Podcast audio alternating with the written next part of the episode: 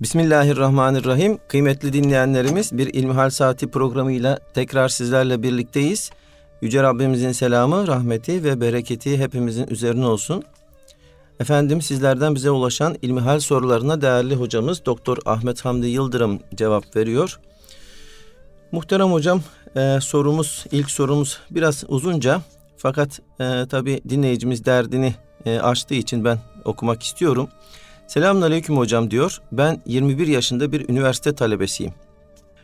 Bundan bir ay önceye kadar bütün her şeyime dikkat etmeye çalışan biriydim dini hususlarda. Namazım, huşuma, nefsimi hastalıklarına vesaire Nakşibendi tarikatine de dahil oldum. Tarikat dersi aldım ve kalbimin gitgide açıldığını hissettim. Maneviyatım, Allah'la olan bağım iyice kuvvetlenmişti. Muhabbetim had safhadaydı hiç olmadığı kadar. Lakin sonra çeşitli meseleler yüzünden bunlar tarikatla alakalı değildi. Büyük bir sorumluluk isteyen görevim sebebiyleydi. Çok büyük vesveseler yapmaya başladım ve sürekli bir ikilem içerisindeydim o zamanlar. Bu ikilemler ve vesveseler ruhumu çok yordu. Güçten düştüm. Vesveseler beni ele geçirdi. Ve bütün muhabbetim ve huşuğum gitti. Kurtulduğum bazı nefsani durumlar da en kötü şekliyle geri geldi.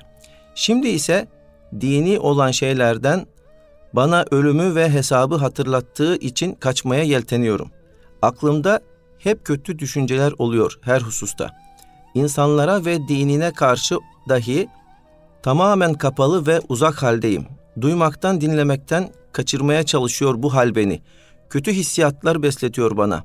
Nefsim ve vesveseler beni tamamen ele geçirmiş durumda ve maneviyatımı yok ediyorlar. Allah aşkına söyleyin ne yapmalıyım? Dini hususlar ve kişilere karşı içimde anlayamadığım bir kötü duygu tufanı hasıl oluyor ve bu beni inanılmaz rahatsız ediyor. Anlayamıyorum diye noktalamış muhterem hocam. Buyurun.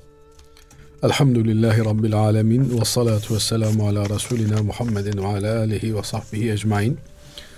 Öncelikle bu kardeşimize ve bütün aynı durumda olan kardeşlerimize Cenab-ı Allah'tan acil şifalar, acil çareler niyaz ediyorum. Hakikaten insanın maddeten hastalanması bir dereceye kadar önemli olmakla beraber insanlara derdini anlatma ve kendini ifade edebilme yönüyle kabul edilebilir bir durumdur. Yani insanlar maddi olarak hastalanan bir kimsenin hasta olduğunu görürler ve ona dua niyazında bulunurlar. Ama psikiyatrik hastalıklar, psikolojik hastalıklar genelde çok sinsi bir şekilde ilerler. İnsanlar önce kendilerinin hasta olduklarını kabul etmekte de zorlanırlar. Başkaları da onların hasta olduklarını kabullenmede zorlanır. Böylelikle gittikçe işin içinden çıkılmaz bir hal almış olur. Cenab-ı Allah hepimizi maddi manevi hastalıklardan muhafaza eylesin. Tabi her şeyden önce e, söyleyeceğimiz şey bu kardeşimizin acilen bir tedaviye müracaat etmesi. Nasıl maddi hastalıklarımızda doktora gidiyoruz, ilgilisine gidiyoruz, uzmanlarına gidiyoruz, tedavi olmaya gayret ediyor isek bu tür manevi hastalıklarımızda, ruhi hastalıklarımızda da ilgililerine müracaat etmemiz, efendim hal ehli kimselere, gerekiyorsa psikologlara, psikiyatrlara müracaat etmemiz ve tedaviye yönelik bir çaba, gayret içerisinde olmamız lazım gelir. Çünkü Cenab-ı Allah dermanını indirmediği hiçbir derdi göndermemiştir. Şifasını vermediği hiçbir hastalığı insanlara indirmemiştir. Dolayısıyla her türlü derdin dermanı, her türlü hastalığın şifası muhakkak bulunur. İnsanın kendini e, mutlak surette motive etmesi ve Allah'ın ona şifa vereceğine dair inancını canlı ve diri tutması gerekiyor. Bu kardeşimiz anlaşılan zaman içerisinde yalnızlaşmış. Yalnızlaştıkça da daha fazla şeytanın hilelerine, şeytanın desiselerine, e, planlarına, sinsi tuzaklarına maruz kalmış. Değerli kardeşlerim, en önemli şey insanın kendisini ümmeti Muhammed'in bu büyük yapının iki buçuk milyarlık büyük yapının bir parçası olarak görmesidir. Dolayısıyla bir insan kendisini böyle büyük bir yapının bir parçası olarak gördüğünde, düzenli olarak camiye, cemaate gittiğinde, cemaatin bir parçası olarak gördüğünde kendisinde muazzam bir kuvvet ve güç hissedecektir. Bu güç onu her türlü vesveseden muhafaza edecektir. Ama Efendimiz Aleyhisselatü Vesselam cemaate yapışın, cemaatten ayrılan. Şezze ve men şezze şezze ilenler kim ayrılırsa cehenneme düşer. Artık cehennemi vesveselerin içerisine yuvarlanır gider. Yalnız kaldıkça insanın başına her türlü şey gelir. Nitekim geçenlerde böyle Basri hocam güzel bir şeye denk geldim. Ee, boş silahı şeytan doldurur mu doldurmaz mı bilmem ama boş insanı şeytan doldurur diyordu. Yani insanların mutlak surette hayır meşguliyetlerinin olması lazım gelir. İyilerle, salih insanlarla birlik ve beraberlik içerisinde olmamız lazım gelir. Şimdi bu kardeşimiz tabi detay vermiyor. Olayı genel hatlarıyla, ana hatlarıyla ifade ediyor. Buna rağmen e, neredeyse program bu sual ile bitecek zannettim Basri Hocam. Ama görebildiğim şu yoğun bir meşguliyet dönemim oldu diyor. Bu dönemde ben iyi insanlarla oturup kalkmaktan uzak kaldım. Efendim sohbetlere katılamadım. Hocalarımın e, zikir halkalarına, sohbet halkalarına, ilim meclislerine katılamadım. Onun yerine dünya ehli insanlarla bana ahireti Allah'ı hatırlatan değil de şeytana çalışan insanlarla yoğun bir mesai içerisinde oldum demeye getiriyor. Ve bu mesai içerisinde de maalesef birçok önemli hasletini, güzel huyunu, hasletini kaybettiğini görüyoruz. Bu ve benzeri şeylerle ilgili ortalama söyleyeceğimiz şey şudur değerli kardeşlerim. Mutlak surette bu kardeşlerimiz içinde bulundukları sirkülasyondan, o kısır daireden kurtulmaları gerekiyor. Oturup kalktıkları insanları değiştirmeleri gerekiyor. Mümkünse muhitlerini değiştirmeleri, mümkünse işlerini değiştirmeleri gerekiyor. Çünkü insanlık bataklığın içerisinde olduğu sürece ne kadar bir takım şeylerle e, palyatif tedbirlere müracaat etse de sonuç kalıcı olmaz. Belki daha da kötü bir şekilde bu gelgitler efendim iki kötü bir iyi, iki iyi bir kötü insanı daha fazla e, şüphe ve vesvese girdaplarına sokar.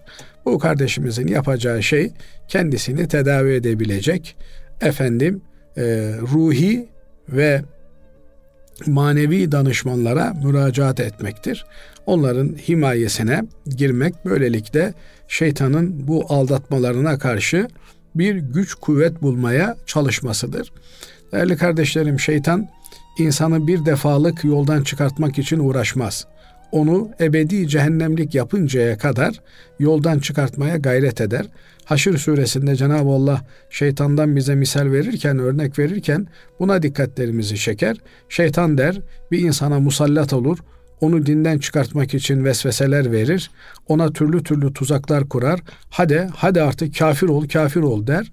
Ve insan onun tuzaklarına kapılıp da bir kere kafir olduğunda, teslim olduğunda artık şeytan benim seninle bir işim kalmadı der. Niye? Çünkü şeytanın maksadı e, Adem'e secde etmedi kendisi kafir olduğu, gavur olduğu gibi bütün insanlığı Adem oğlunu da Allah'a karşı isyankar yapmak, yoldan çıkartmak, böylelikle de cehennemlik kılmaktır. O amacına erdikten sonra başka insanlarla uğraşmak için o insanı bırakır. Binaenaleyh eğer bir hayır yolundaysanız, eğer istikamet üzere iseniz şeytan size daha fazla gelecektir. Avaneleriyle gelecektir, ordularıyla gelecektir. Her an, her yönden size saldırı halinde bulunacaktır. Bunlara karşı güçlü kuvvetli olabilmek için öncelikle bilinçli olmak lazım. Cenab-ı Allah'a sığınmak lazım. Tesbihata sığınmak lazım. Kur'an ayetlerine sığınmak lazım. Aksi halde insanı zayıf bir noktasından yakalarlar ve bir daha da Allah muhafaza eylesin peşini bırakmazlar. Böyle bir durumda da yoğun tedavi seanslarına ihtiyaç vardır. Bu kardeşimiz hem ruhi alanda hem manevi alanda inşallah bu tür tedavilere müracaat ederek Cenab-ı Allah'tan şifaya olmayı murad edecek, dileyecek. Rabbim ona da bize de yardım eylesin inşallah. Allah razı olsun kıymetli hocam. Efendim şimdi e, diğer bir dinleyicimizin sorusu şöyle. Selamun aleyküm hocam diyor. Tırnak içerisinde Bu işler inşallahla maşallahla olmaz. Sözü küfür müdür diye soruyor. Şimdi e, bu sözler, bu işler inşallahla maşallahla olmaz ifadesini eğer e, bilinçli bir şekilde söylüyorsa bunların manasını bilerek söylüyorsa bu söz tabi çok tehlikeli bir söz. İnşallah Allah murad ederse maşallah Allah murad ettiği sürece Allah ne güzel murad etmiş gibi anlamlara geliyor. Cenab-ı Allah'ın muradı dışında, iradesi dışında, onun dilemesi dışında yeryüzünde bir yaprağın düşmesi mümkün değil. Herhangi bir şeyin meydana gelmesi mümkün değil. وَمَا تُرِيدُونَ illa وَمَا تَشَاءُونَ illa en يَشَاءَ Allah. Sizler ancak Allah'ın meşiyet ettiğini dileyebilirsiniz. Yani bizim dilediklerimiz, arzuladıklarımız bile Cenab-ı Allah'ın dilemesiyle meydana gelen şeylerdir. Allah'ın muradının dışında, Allah'ın iradesinin dışında kainatta bir şeyin cereyan etmesi mümkün değildir. Binaenaleyh bu tür şeyler inşallahla maşallahla olmaz ifadesi Allah'ın muradıyla olmaz. Allah'ın dilemesiyle olmaz. İnsan kendi yapar, kendi eder. İnsan kendi kaderini kendi çizer. Allah'ın ona çizdiği bir kader yoktur türünden bir anlama yönelik olarak söylenmişse bunlar çok tehlikeli sözlerdir. Cenab-ı Allah'ın kudretinden haberdar olmamaktır. Cenab-ı Allah'ın ilmiyle ilgili bir insanın cahil olması demektir. Fakat genelde halkımızda şöyle bir algı var. Bir insan olmayacaksa bir iş onu inşallahla maşallahla geçiştiriyor. Böylelikle sözüm ona eskiden bu sözü söyleyenler ya benim elimde bir şey yok ama ben elimden geleni yapacağım. Ma mafi takdir ilahi araya girerse benim yapacak bir şeyim yok anlamına bunu söylerler. İnşallah dediklerinde muhakkak o işi yapabilecekleri durumda ise yapacaklarını ifade eden bir cümle kullanırlardı. Fakat zaman içerisinde bu yani artık bakalım olursa olur olmazsa olur türünden bir savsaklama ifadesi, ibaresi anlamına kullanılır hale geldiği için biri de işte böyle cümlelerle bu işler yürümüyor, çalışmak lazım, gayret etmek lazım türünden bir anlam için kullanıyorsa mamafi kullandığı bu anlamda doğru bir anlamdır. Ama bu tür cümleleri kullanması doğru ve yakışık bir ifade değildir. Elbette Cenab-ı Allah e, bizden çalışmamızı istiyor. Bizden iş yapmamızı istiyor ve kul amelu çalışın diyor. Allah Resulü ve müminler sizin yaptığınız işleri görecek diyor. Binaenaleyh evet her şey Cenab-ı Allah'ın takdiriyledir. Her şey Cenab-ı Allah'ın iradesiyle gerçekleşir. Fakat Cenab-ı Allah bize iradesiyle çalışmamızı, boş durmamamızı emrediyor. Bizim çalışma yükümlülüğümüz vardır. Yan gelip yatıp da Cenab-ı Allah böyle murad etti, böyle oldu diyerek bir bahaneye sığınmamız doğru bir şey değildir. Fakat takdire razı olmak, ezeli kadere teslim olmak insana elinden gelen bütün imkanları kullandığı halde neticeyi Cenab-ı Allah'a bırakmak suretiyle bir rahatlık verir. Böylece insan herhangi bir strese girmeden işini gayet mükemmel olarak yapabilme imkanına kavuşur. Öbür türlü acaba şöyle mi olur böyle mi olur diye bir vesveseye bir strese insan düşebilir. Normalde düzgün yapabileceği bir işi bile yapamaz hale gelebilir. Ama kadere inancı olan bir kimse kadere teslim olur. Cenab-ı Allah'ın bize emrini ben yerine getireyim.'' Neticeyi verecek Cenab-ı Allah'tır. Allah bizden bir işi yaptığımızda en güzel şekilde yapmamızı ister diyor Hazreti Peygamber. Ben de bu işi en güzel suretiyle yapayım. Netice olur olmaz. O Cenab-ı Allah'ın takdirindedir. Böylelikle olmazları denemişlerdir bizim ecdadımız. Olmayacak olan insanların bunlar olmaz diye düşündükleri şeyleri Cenab-ı Allah'ın kudretinden uzak değildir diye ellerinden gelen bütün gayreti ortaya koymak suretiyle ortaya bir iş çıkartmışlardır. Cenab-ı Allah'ın takdiriyle de muvaffak olmuşlardır.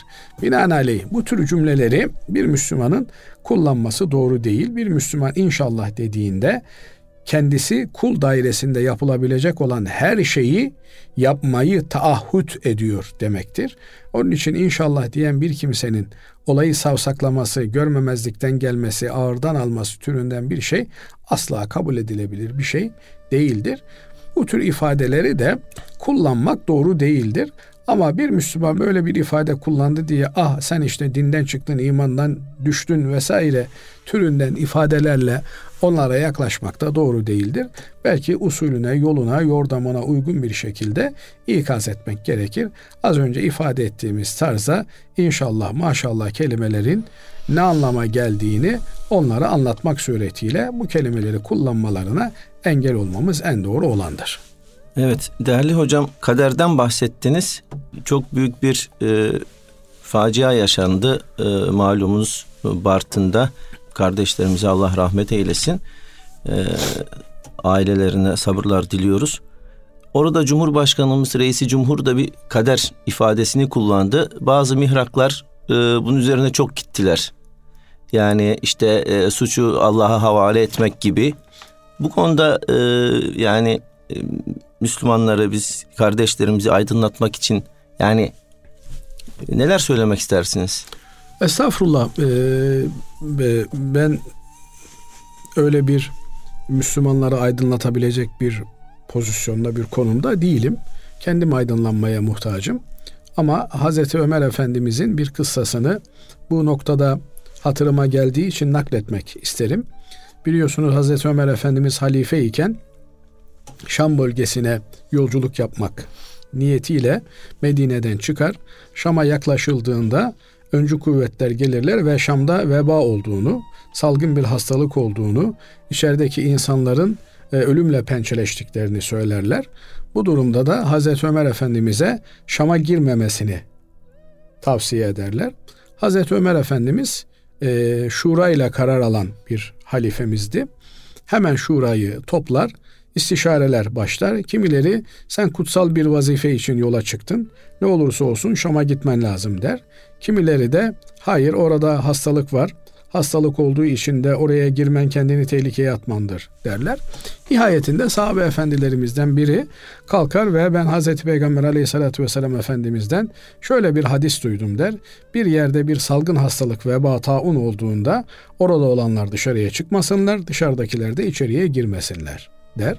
Bunun üzerine Hazreti Ömer tamam der. Madem Efendimizin de bu yönde hadisi var, ben de istişareler neticesinde o kanaate vardım ki oraya gitmemiz doğru değil ve geri dönmeye karar verir. Bu arada cennette müjdelenmiş olan sahabe efendilerimizden biri şöyle bir cümle kullanır. Der ki, efiraran min kaderillah. Allah'ın kaderinden mi kaçıyorsun Ömer der. Yani demek istediği şudur. Eğer kaderde Şam'a girmek ve Şam'da taun hastalığından ölmek varsa bu gerçek, gerçekleşecek. Yani sen bundan mı kaçıyorsun demek ister. Hazreti Ömer Efendimizin kader anlayışımızı özetleyecek muazzam bir cümlesi o anda ağzından dökülür. Der ki evet der. Allah'ın bir kaderinden öbür kaderine kaçıyorum der. Yani her şey Allah'ın kaderiyle örülüdür. Dolayısıyla e, tedbirsiz bir kimsenin yapmış olduğu bir iş neticesinde ortaya çıkan bir felaket Allah'ın kaderi olduğu gibi tedbir alıp efendim işini sağlama e, alan bir kimsenin de ürettiği sağlam işte Allah'ın kaderidir. Ama Allah'ın kaderi diye buradaki maddi ve manevi sorumluluktan kurtulmak mümkün değildir. Maddeten ve manen sorumlu olmak da Allah'ın kaderidir. Binaenaleyh burada bir facia gerçekleşmiş. Eğer bu facia beklenmedik, öngörülemeyen, tahmin edilemeyen bir surette gerçekleşmişse o zaman yapacak bir şey yok. Yani bugüne kadar bildiğimiz, ettiğimiz tecrübeler böyle bir şeyin olacağına ihtimal vermiyordu. Bir de ilk defa karşılaştık. Burada hakikaten tabii bir afet var denilebilir. Ama raporlarda e, belgelenmiş bir takım unsurlar varsa yerin işte bilmem 350 metre aşağısına inildiğinde öngörülemeyecek olan metan gazı sıkışmaları olabilir. Ondan dolayı burada kullanılacak olan materyallerin e, gazı infilak ettirmeyecek türden materyaller olması diye raporlanmışsa buna rağmen de tedbirler alınmamışsa burada ihmal vardır.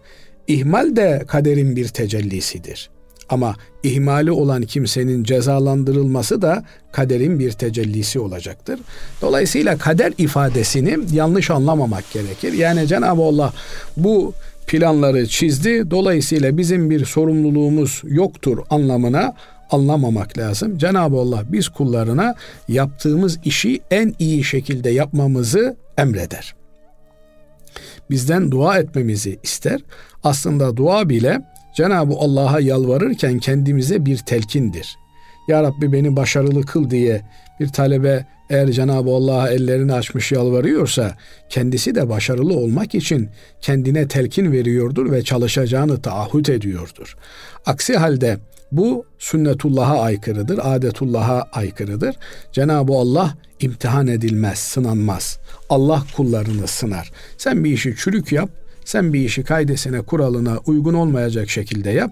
Ondan sonra da ne yapalım Allah böyle takdir etmiş de elin gavuru kaidesine, kuralına uygun bir şekilde yapsın. Ondan sonra onun başarılı olmasının neticesinde ne yapalım Cenab-ı Allah öyle takdir etmiş de bunlar doğru şeyler değil. Dolayısıyla bu gibi noktalarda yapmamız gereken önce kendimizde ne tür eksiğimiz var, ne tür kusurumuz var onu tespit etmektir. Ama hiçbir şey e, hayatın sonu demek değildir. Eksiğimizi, kusurumuzu görerek tekrardan tedbirlerimizi alarak yola devam etmemiz gerekiyor. Kader inancı bizi atalete sevk edecek bir inanç değil. Tembelliğe, işsizliğe, efendim e, meşguliyetsizliğe götürecek bir inanç değil. Aksine daha fazla çalışmaya, daha fazla gayret etmeye götürecek bir inançtır. Bunu bu yönüyle bilmek ve değerlendirmek lazım. Allah razı olsun kıymetli hocam. Değerli dinleyenlerimiz şimdi kısa bir araya gidiyoruz. Aradan sonra inşallah sizlerden gelen sorularla devam edeceğiz. Kıymetli dinleyenlerimiz İlmihal Saati programımıza kaldığımız yerden devam ediyoruz. Muhterem hocam dinleyicimiz bize şöyle yazmış. Ben kadın doğum asistanlığını Allah rızası için seçtim. Hem cinslerimin hastalıklarıyla ilgilenmeyi görev olarak görüyorum. Uzmanlıkta kürtaj yapmayacağım ancak asistanlığım 4 yıl ve hocaya bağlıyız. Bize kürtaj vakaları geliyor, hoca ise bize yaptırıyor. Elimden geldiğince kaçıyorum. Eğer yapmazsak istifa etmem gerekir. Bu durumun sakıncası veya yapmam gereken nedir diye soruyor. Şimdi kardeşimiz güzel bir şeye niyetlenmiş. Hakikaten e, bedeli ağır olan zor bir şeye teşebbüs etmiş. Memleketimizde işte doktorluğun kolay bir şey olduğu zannediliyor. Ama normalde insanlar 4 yılda mezun olurken bir üniversitede tıbbiye eğitimi alan kardeşlerimiz 6 yıl 7 yıl eğitim alıyorlar. Bir de onun üzerine 5 yıl uzmanlık yapıyorlar ki Türkiye'de uzmanlık e, hakikaten çok zor şartlarda yapılıyor. Hele de son dönemde bu tür e, uzmanlık çalışan asistan kardeşlerimizin yaşadıkları çok çetin olaylar zaman zaman kamuoyunun gündemine de geliyor. Büyük bir fedakarlıkla önemli bir alanda e, insanlığa hizmet edebilecek bir branşı seçmiş bulunuyor kardeşimiz. Bundan dolayı öncelikle e, kendisini tebrik ederiz. Fakat böyle olmakla beraber mayınlı bir arazide yürüdüğünün de farkında olması gerekiyor. Bunun için e, başta bir başka soruya cevap verirken söylemiştik mutlak surette kendisini koruyabilecek bir e, grupla, bir cemaatle bir güzel insanlar topluluğuyla sık sık beraber bir araya gelmesi gerekiyor. Sözünü dinlediği, sözüne değer verdiği ablalarıyla beraber sık sık görüşmesi ve manen e, ruhen zenginleşmesi, motivasyonunun yüksek olması gerekiyor. Bunun yanında da kendisini işte bu tür e, dinimize, şeriatımıza uygun olmayan vakalar karşısında da ne tür bir tavır takınacağına dair bir arayış içerisinde olduğunu görüyoruz kardeşimizin. Evet insan hayatı kutsaldır. Memleketimizde de bir e, sebep olmaksızın kürtaj yapmak doğru bir şey e, değildir, hukuki bir şey değildir. Bir e, sebep varsa eğer işte doğacak olan çocukta bir e, bozukluk söz konusu ise o zaman e, kürtaja gidiliyor. E, bundan dolayı da eğer sebepsiz yere bir kürtaj baskısı oluyorsa bu hukuken de bir suç anlamına geliyor. Fakat çoğu zaman e, tıp camiasında bu tür şeyler hocaların veya klinik şeflerinin inisiyatifiyle görülebiliyor. Bu durumda kardeşimiz kendisini bir tehdit altında görüyorsa ki burada ikrahtan maksat bizim İslam hukuku açısından ikrah dediğimiz, tehdit dediğimiz şey e, insanın bir uzvunun telef olması korkusudur. Efendim hayatiyetinin e, sonlanması söz konusu olduğunda bir tehditten bahsederiz. Ama burada bu kardeşimiz kendisine dayatılan bu yanlışları eğer e, kendi meslek hayatının sonlandırılması böylelikle de e, hayatının normal akışından çevrilmesi gibi bir tehdit olarak algılıyorsa bu da kendisine bir takım yasak olan şeyleri yapma ruhsatı verir diye Allahu alem düşünüyorum. Burada önemli olan şey e, bu tür alanları işgal etmiş olan duyarsız kimselerin, insan hayatına değer vermeyen kimselerin işgal ettikleri yerlerin, makamların insan hayatına değer veren kimselerce tekrardan zapturapt altına alınması yönünde bir eğilimin, bir niyetin olması gerekir. Bu noktada kardeşimize sabretmesini ve e, söylediğim çerçevede kendini koruyacak, kollayacak. Çünkü asıl olan insanın önce kendi hayatıdır kendisine faydası olmayan bir insanın başkasına faydası olması mümkün değildir. Ben yanayım başkaları yaşasın türünden bir felsefe İslami bir felsefe değildir. Cenab-ı Allah ku enfusekum ve ehlikum naran diyor. Önce kendinizi koruyacaksınız, cehennemden koruyacaksınız, tehlikelerden koruyacaksınız, İslami olmayan bir hayat tarzından koruyacaksınız. Önce kendinizi, kendi hayatınızı, kendi inancınızı bir garanti alacaksınız. Ondan sonra başkalarına yardımcı olmak gibi bir felsefenin içerisinde olacaksınız. Kendisini yakarak, kendisini feda ederek ben işte insanlığa yardımcı olacak işler yapmaya gayret ediyorum türünden ifadeler şeytanın aldatmacasından başka bir şey değildir. Bu tür şeyleri de e, yani bu tür o, olumsuz talepleri de doğru olmayan e, talepleri de elinden geldiği imkanlarla bertaraf etmeye, savuşturmaya çalışacak. İzinse izin, raporsa rapor. Bu tür tehlikelerden kaçınmaya çalışacak. Böylelikle hem e, mesleki yeterliliğini ikmal edecek hem de inşallah kendisini de yakmadan e, tedbirlerini almış olacak kardeşimiz. Evet. Diğer bir sorumuz şöyle değerli hocam. Haram mirası almanın hükmü nedir diye soruluyor. Şimdi e, ölüm hak miras helal derler ama böyle olmakla beraber eğer mirasın kaynağının haram olduğunu biliyorsak mesela işte bize miras bırakan kişinin tefecilik yaptığını, eşkıyalık yaptığını, çaldığını, çırptığını, e, efendim içki imal ettiğini ve bunu satarak servetini yaptığını biliyorsak bunu e, kişisel kullanımımız için almamız doğru olmaz.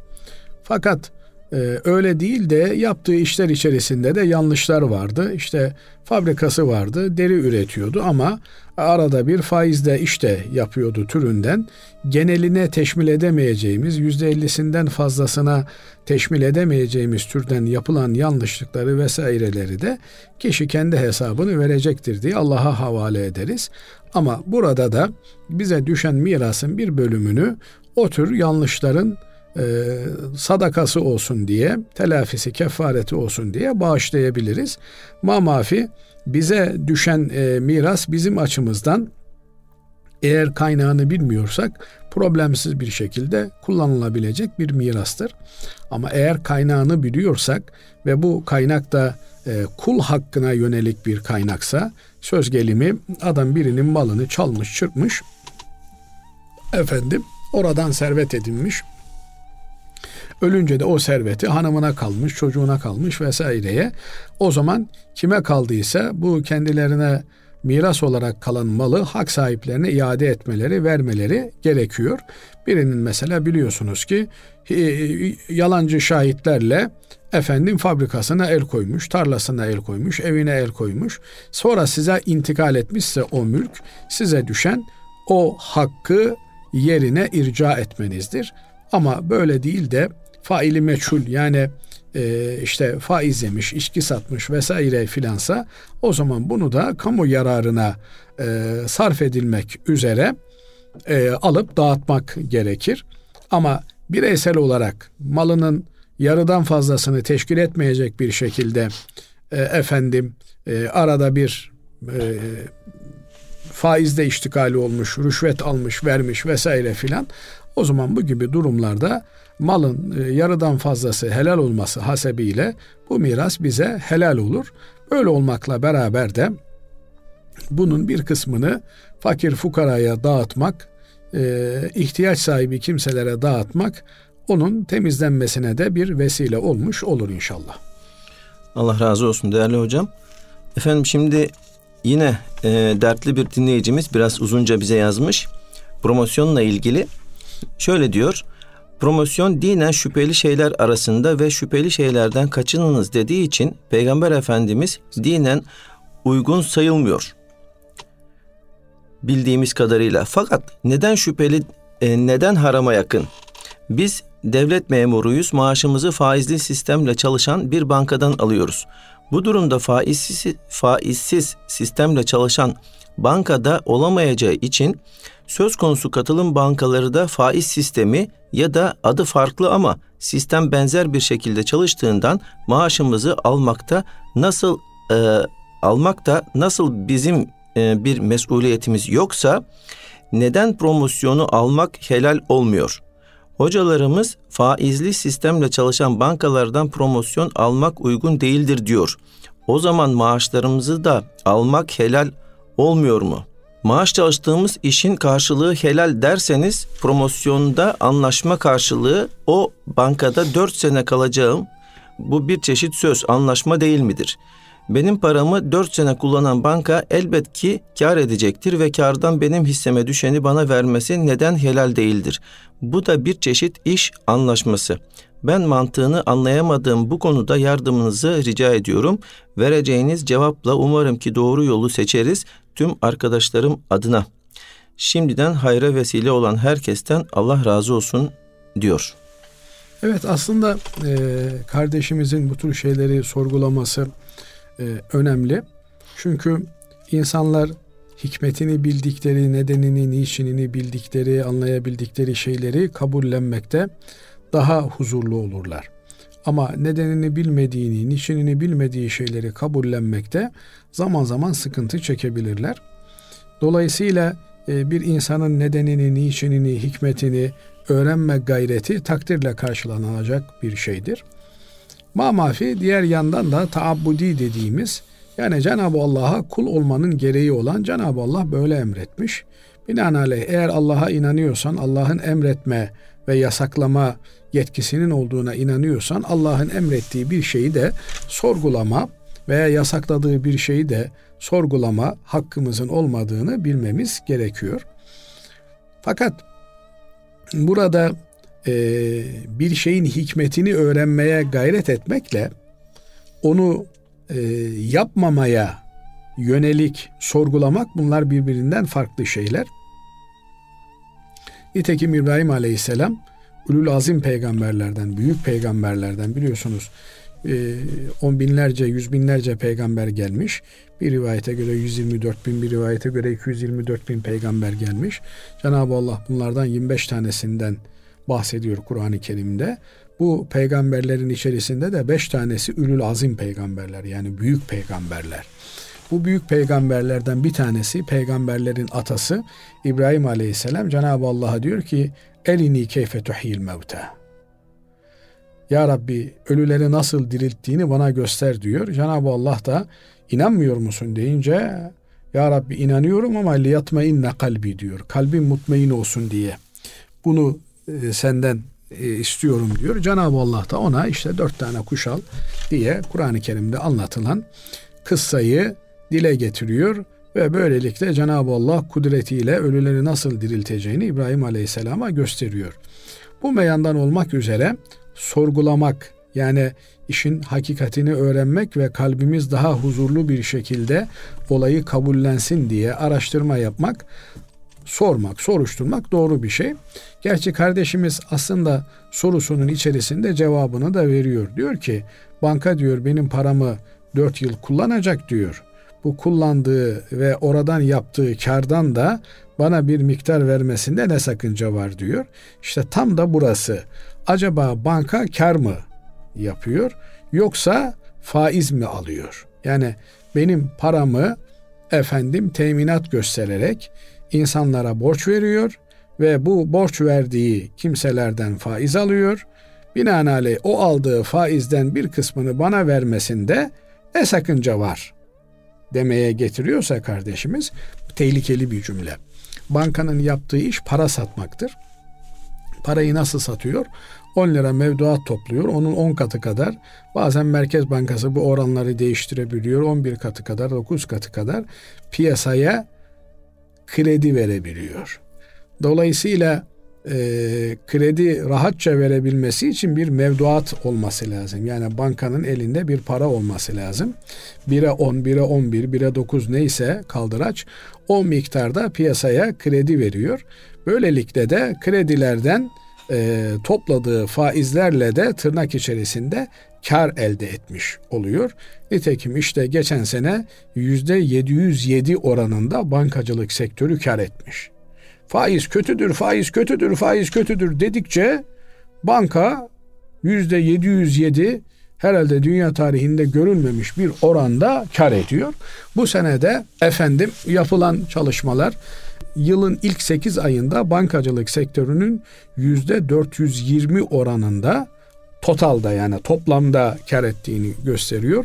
Bazı bankaların karları tabi hepten almış başını gidiyor. Yüzde 800, yüzde 900 kar eden bankalar var. Nereden yapıyorlar bu karı? Tabi olmayan parayı kredi olarak verip de milletten bunların faizlerini toplayınca ortaya bir kar çıkıyor. Bunun temeli bankacılık sistemi.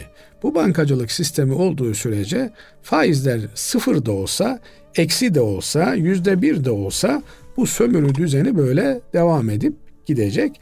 Dolayısıyla bağırıp çağırıp da işte faizleri indireceğiz, kaldıracağız, bilmem ne yapacağız diye birbirimizi kandırmanın bir alemi yok.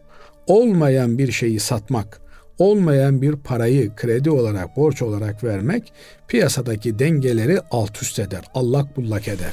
Biz İslam ekonomicileri e, olarak olmayan bir malın satışının yasak olduğunu söyleyip duralım ama olmayan bir paranın ister faizsiz bankalardan ister de faizli bankalardan konvansiyonel bankalardan borç olarak verilmesine ses çıkartmayalım. Bunun tutar bir tarafı yok. Dolayısıyla bu kardeşimiz e, faizli bir bankadan maaşını alıyorsa mecburiyetten alıyor. Almaması doğru olan. Eğer becerebiliyorsa, yapabiliyorsa kardeşim ben bu bankadan maaşımı almak istemiyorum. İşte devletin de e, katılım bankaları var. O bankalara benim maaşımı koyun ben oradan paramı alacağım diyebiliyorsa öyle yapsın. Yok daha da delikanlı ise kardeşim ben paramın bankaya yatırılmasını istemiyorum. Hele de faizli bankaya istemiyorum. Bunu da kabul etmiyorsanız çalışmıyorum kardeşim buradan diyebiliyorsa desin. Ama ben bunu diyemiyorum diye bankanın bana verdiği faizi almamda ne sakınca var demek de doğru bir şey değil. Yani bu şuna benziyor. Tekel bayiinden su alabildiğime göre oranın sattığı içkiyi niye alamıyorum ben? Eğer tekelden alışveriş yapmak doğru değilse oradan su da almamam lazım. Doğru almaman lazım. Ama suyu aldın diye e, efendim 70'lik rakıyı da alabileceksin anlamına gelmiyor bu. Dolayısıyla e, biz elimizden geldiği kadar, imkanımız olduğu kadar bu kapitalist düzenin enstrümanlarından uzak durmak durumundayız. Evet burada bir sömürü çarkı gidiyor. Milyonlar sömürülüyor. Biz de sömürenlerin arasında yer alabilir miyiz? Bu bir tercih meselesi. Yani eğer nehrin akışına doğru gitmek istiyorsan sen de sömürenler kervanına katılırsın. Sen de alırsın, sen de yersin. Ama bu bankaların vermiş olduğu promosyonlar toplumu sömürmelerinin bir parçasına bizi de ortak ediyorlar. Yani diyor ki sen diyor ayda 10 bin lira alıyorsun, yılda 120 bin lira yapıyor. Ve senin bu 120 bin lira mevduatın üzerinden ben e, borç verebiliyorum. Borç verme imkanına kavuşuyorum. Verdiğim borç da aslında ortada olmayan bir borç. Böylelikle piyasada e, bir talep canlanması meydana geliyor. Olmayan parayı dağıtıyorum. Milletince bir para görüyor. Talep meydana geliyor. O talebe paralel üretim de arz da olmadığı için fiyatlar artıyor. Dolayısıyla yani borçlanmayı kolaylaştırmak, bankalardan rahat kredi alabilir hale gelmesi insanların e, bu talep patlamasını meydana getiriyor. Burada ekonomik bir tercih. Belki işte bu talep patlamasıyla beraber arzda da bir patlama olacak diye düşünüyorlarsa ama aynı şekilde arzda bir patlama olması mümkün değil. Yani e, o kadar yalancı ürünü piyasaya sür, süremezsiniz. Yalancı parayı sürüyorsunuz da yalancı ürünü süremezsiniz. Hasılı kelam burada bu kardeşimiz ya kardeşim herkes birbirini sömürüyor ben de sömürenlerin arasında olayım. Nasıl e, banka faiz alıp bundan kar ediyorsa bana da o kar ettiği faizden bir miktarını versin diyebilir. Ben de diyorum ki böyle yapıp da helal olan parana haramı bulaştırma. Evet eğer e, asli ihtiyaçlarını barınmaydı, ısınmaydı, efendim bugün e, toplumun ortak kabulü haline gelen işte elektrikti, e, doğalgazdı, e, suyudu vesaireydi filan ihtiyaçlarını kullanmakta bir sıkıntı çekmiyorsan, aman suları açmayın, aman elektrikleri kapatın, aman kombiyi kısın, aman yeleğinizi, ceketinizi bilmem paltonuzu giyin diye çocuklara tembih ederek bir hayat sürmüyorsan, rahatsan, ışıklar kendine göre yanıyor, su e, akıyor gidiyor ise o zaman bu promosyon parasını kullanma. Ama ucu ucuna yetiştiriyorsan, efendim e, çocuklar e, holün ışığını iki dakika açık bıraktı diye ne yapıyorsunuz? Görüyorsunuz zaten faturalara yetiştiremiyoruz diye çıkışıyorsan o zaman onunla faturanı öde. Binaenaleyh yani burada temel problem sömüren zümrenin içerisinde ana zömür sömüren zümrenin içerisinde olamıyoruz ama ana sömüren zümrenin uzantılarından olalım mı? Olmayalım. Aksine bizim elimize geçmiş olan bir para varsa onu da sömürülen, hakkı gasp edilen kesime yani e, ihtiyaç sahibi olan toplumdaki fakir fukara kesime dağıtalım diyorum. Doğruysa Allah'tan, yanlışsa benden. Bazen kardeşlerimiz hoca böyle de olur mu diyorlar. Haklılar. Yani herkes nihayetinde e, söylediği sözün hesabını Allah'ın huzurunda vermekle mükellef e, herkes yaptığının da konuştuğunun da hesabını Allah'ın huzurunda birebir verecek. E, Cenab-ı Allah hesabımızı kolay eylesin. Hepimize imdad eylesin. Evet. Allah razı olsun kıymetli hocam. Değerli dinleyenlerimiz bugünkü İlmihal Saati programımızın böylece sonuna ermiş bulunuyoruz. Efendim hepinizi Allah'a emanet ediyoruz. Hoşçakalın.